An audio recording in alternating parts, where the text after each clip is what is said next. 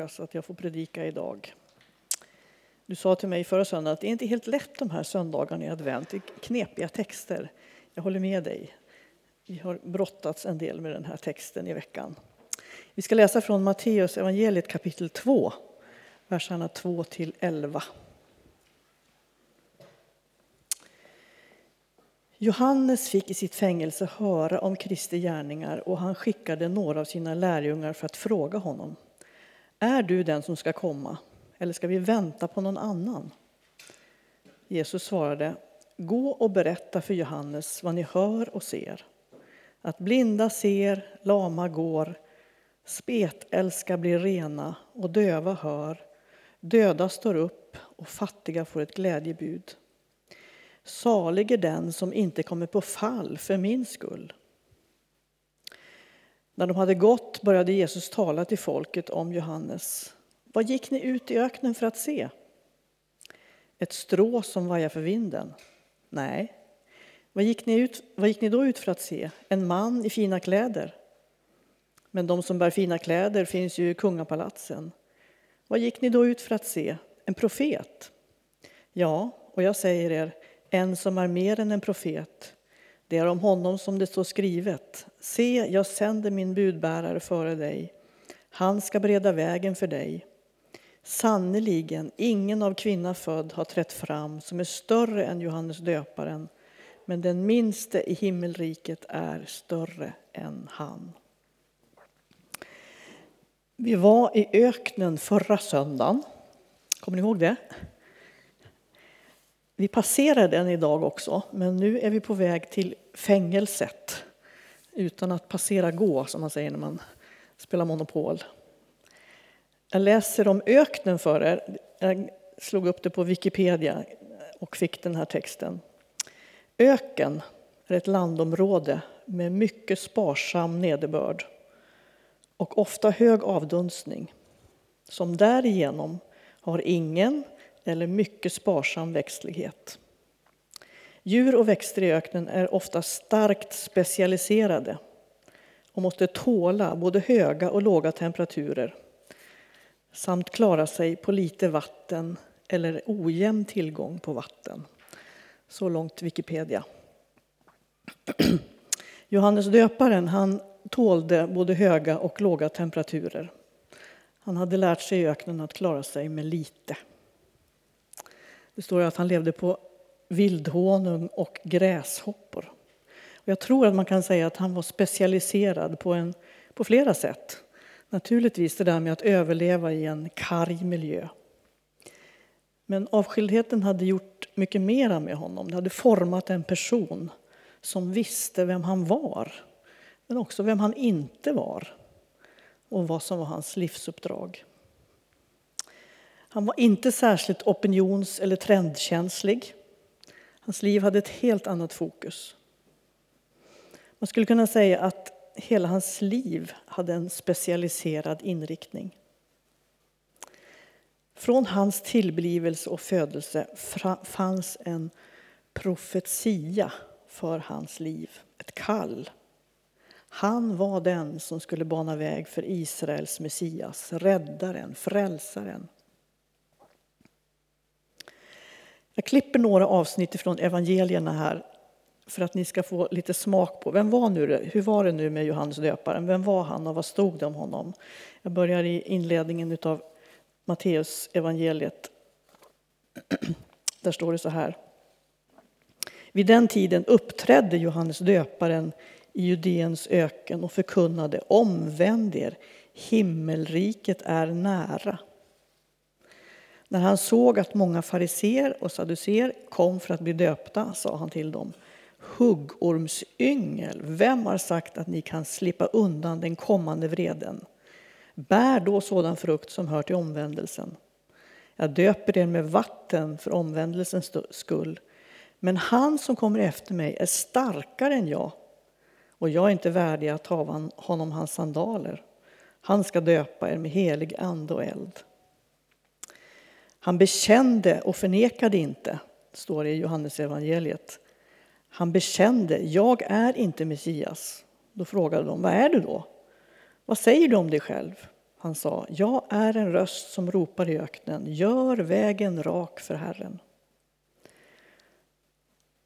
Och han, Johannes, I Johannes evangeliet så säger Johannes också så här, där är Guds lam som tar bort världens synd. Det är Johannes döparens ord om Jesus.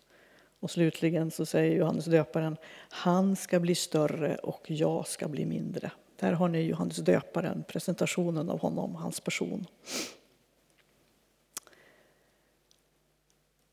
Hans profetiska sanningssägande, Johannes profetiska sanningssägande gör att han nu faktiskt hamnat i fängelse. Det är där vi möter honom idag.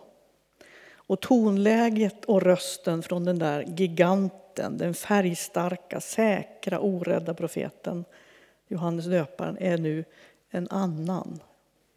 Osäker, ensam, tvivlande i fängelsets mörker och totala ensamhet kommer frågorna.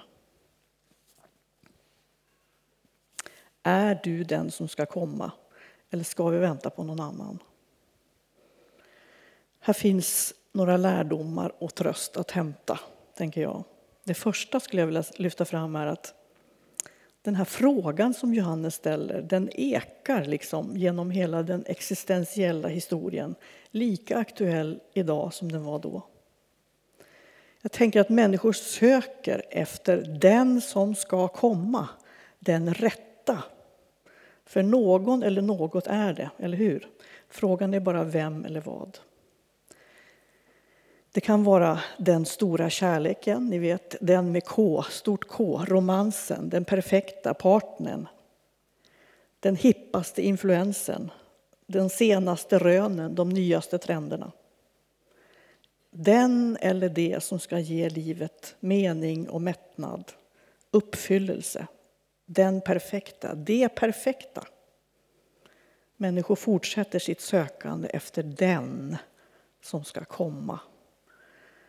Och jag funderade, vad är det som är den i mitt liv? Var riktar jag mitt sökande? Och du får också fundera på den frågan. Var riktar du ditt sökande?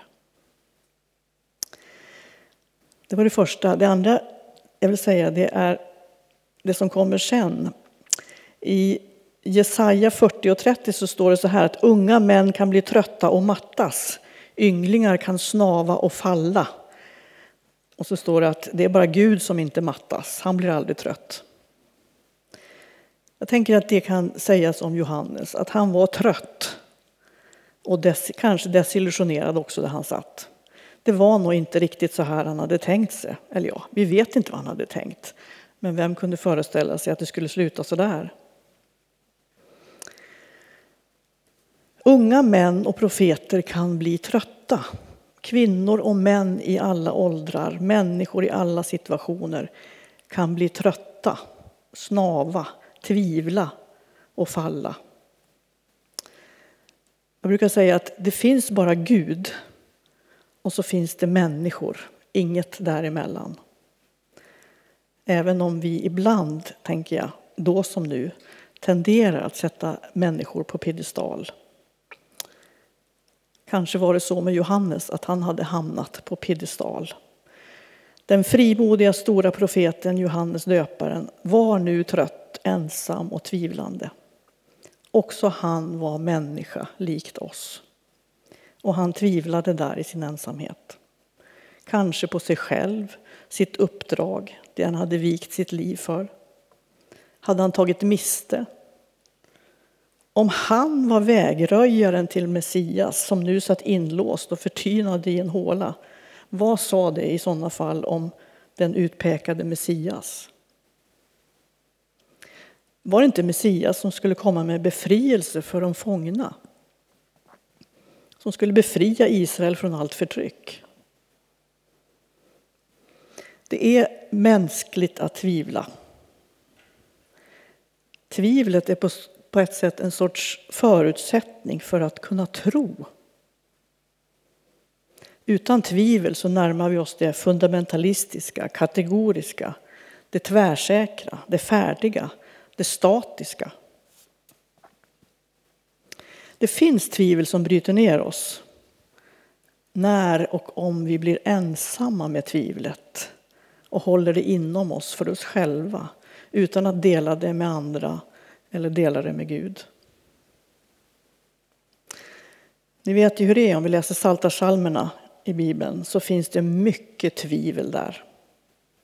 Där tar författarna bladet från munnen och ropar ut sin klagan, sitt tvivel och sina frågor.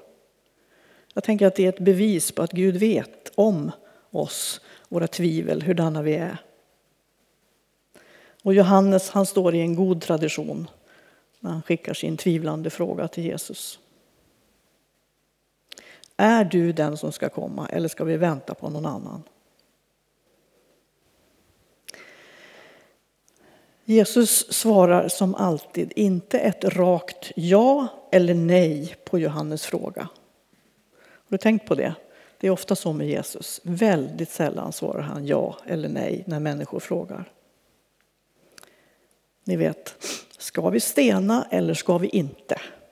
Ska vi betala skatt till kejsaren eller inte? Ska vi tillbe här eller där? Är du den som ska komma eller ska vi vänta på någon annan? Hur lätt hade det inte varit för Jesus att säga ja, jag är den som ska komma, men han gör inte det. Sällan ger Jesus några färdiga eller självklara svar. Oftast så svarar han istället med att ställa en fråga till. Det är som att han säger Tänk själv, tänk större. Han utmanar vår förmåga till att reflektera och se tillvaron ur flera perspektiv. Om det inte gäller frågan om kaffe eller te, Aftonbladet eller Expressen så finns det sällan något enkelt svar av den där sorten, ja eller nej, rätt eller fel. Livet och tillvaron är mer komplex än så. Vad som är sanning det är ofta mångbottnat och sammansatt. Jag tror att Jesus, han som är sanningen, med sina frågor vill, och svar vill hjälpa oss att se det. Det finns utrymme för ärlighet och tvivel. Jesus förebrår inte Johannes för hans tvivel. Du om någon borde väl inte tvivla Nej, men Jesus säger inte så. Jesus har sällan det tonläget. Det finns plats för tvivel och klagan när vi har med Jesus att göra. Det är till och med så att Jesus lyfter fram Johannes döparen som den största av kvinna född mitt i hans tvivel. Han blir inte alls diskvalificerad.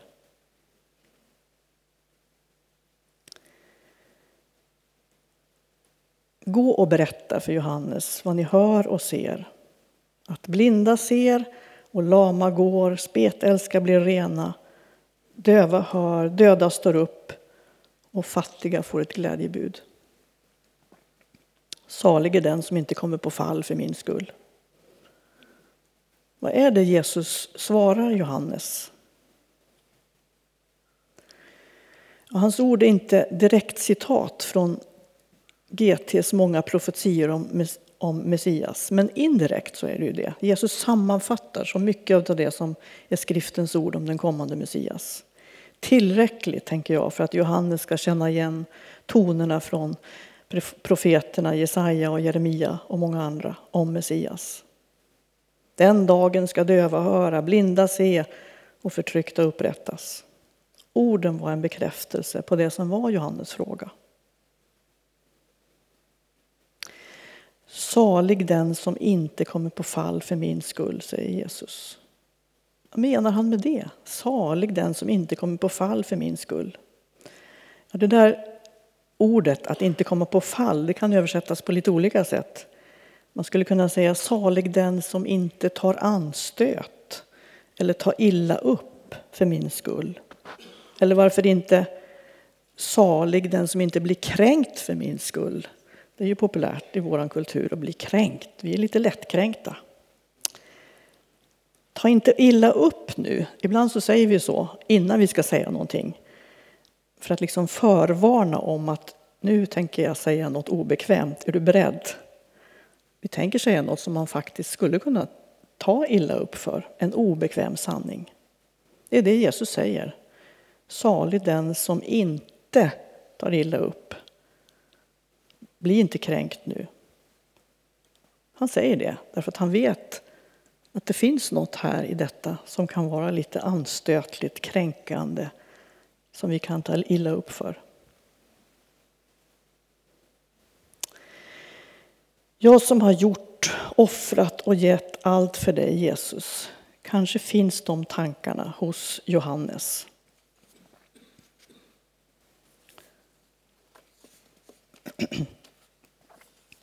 Och så sitter han där och väntar på döden, bortglömd i en fängelsehåla. Han som skulle komma efter mig var ju starkare. Han som kom efter mig är starkare, ja det var ju så han hade profeterat. Men förväntningarna på en stark Messias, en domare, en ledare som skulle befria Israel från förtryckarna tycks långt ifrån vara infriade. Istället hör Johannes berättelse om hur Jesus äter med syndarna långt ifrån maktens korridorer. Men om Jesus är Messias, varför sitter jag då i fängelse? Om Gud finns, hur kan världen se ut som den gör? Hur kan Gud tillåta att sånt här händer? Jesus, vad är du när det syns värsta händer? Hur kan du tillåta?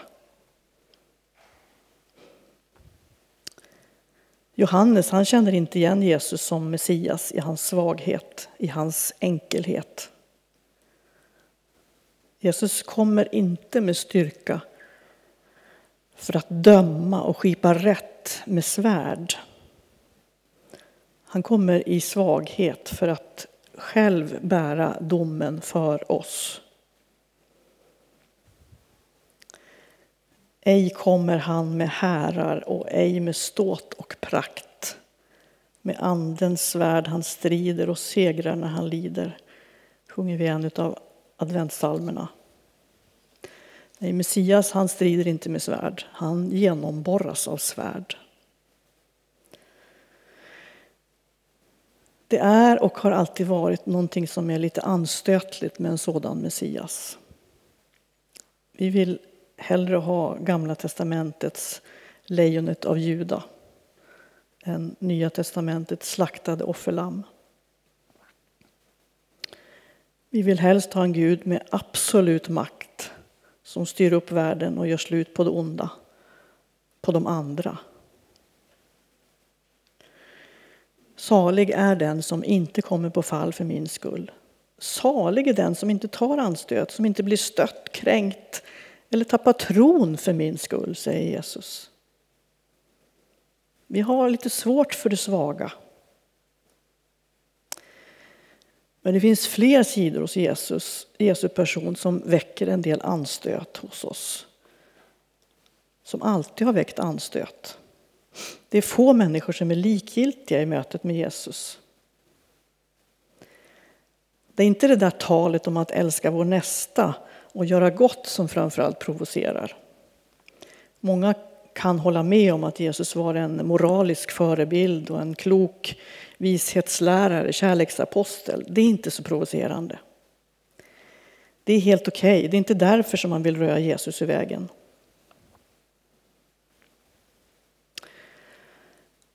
Alla vet ju att tomten frågar efter om vi har varit snälla för annars får vi inga julklappar. Men det är inte tal om att korsfästa tomten. Han är ju harmlös och ofarlig i sin snällhet, eller hur? Som vishetslärare så behöver vi inte vara så provocerade av Jesus heller. Men Jesus är något annat. Han jämställer sig också mer eller mindre öppet på flera sätt med Gud. Han förlåter synder och han säger att han är ett med Fadern. Hans ord upprörde då som nu.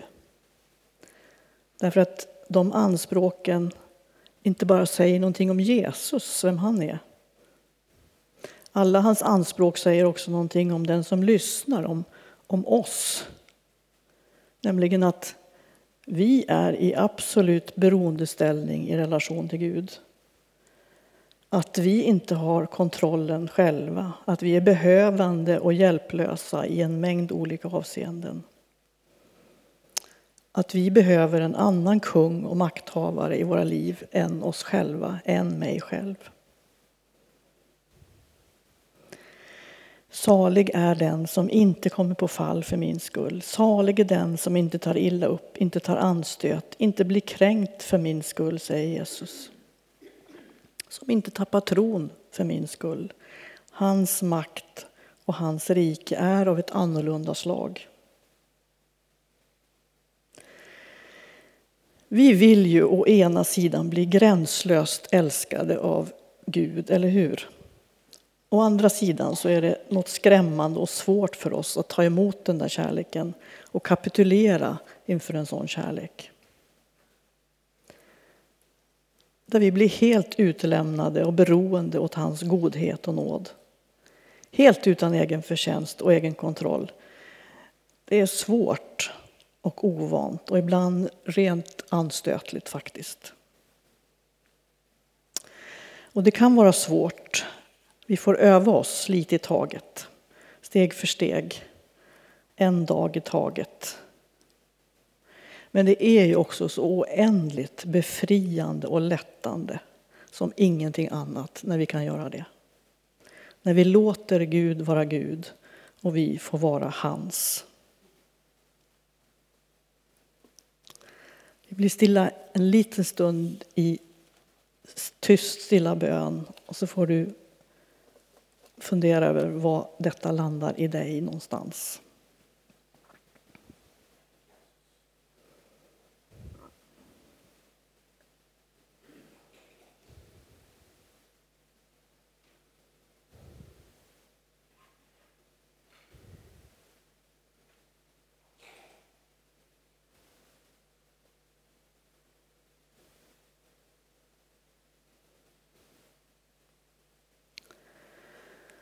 Herre, hjälp oss att med Johannes kunna se och tro att du, Jesus, är den som vi väntar på och gränslöst behöver, då som nu. Och att din barmhärtighet och godhet motsvarar våra behov, vår litenhet, vårt totala beroende. Herre, låt ditt namn bli helgat. Herre, låt ditt rike komma. Herre, låt din vilja ske i oss, i mitt liv, i vårt liv, på jorden så som i himmelen. Amen.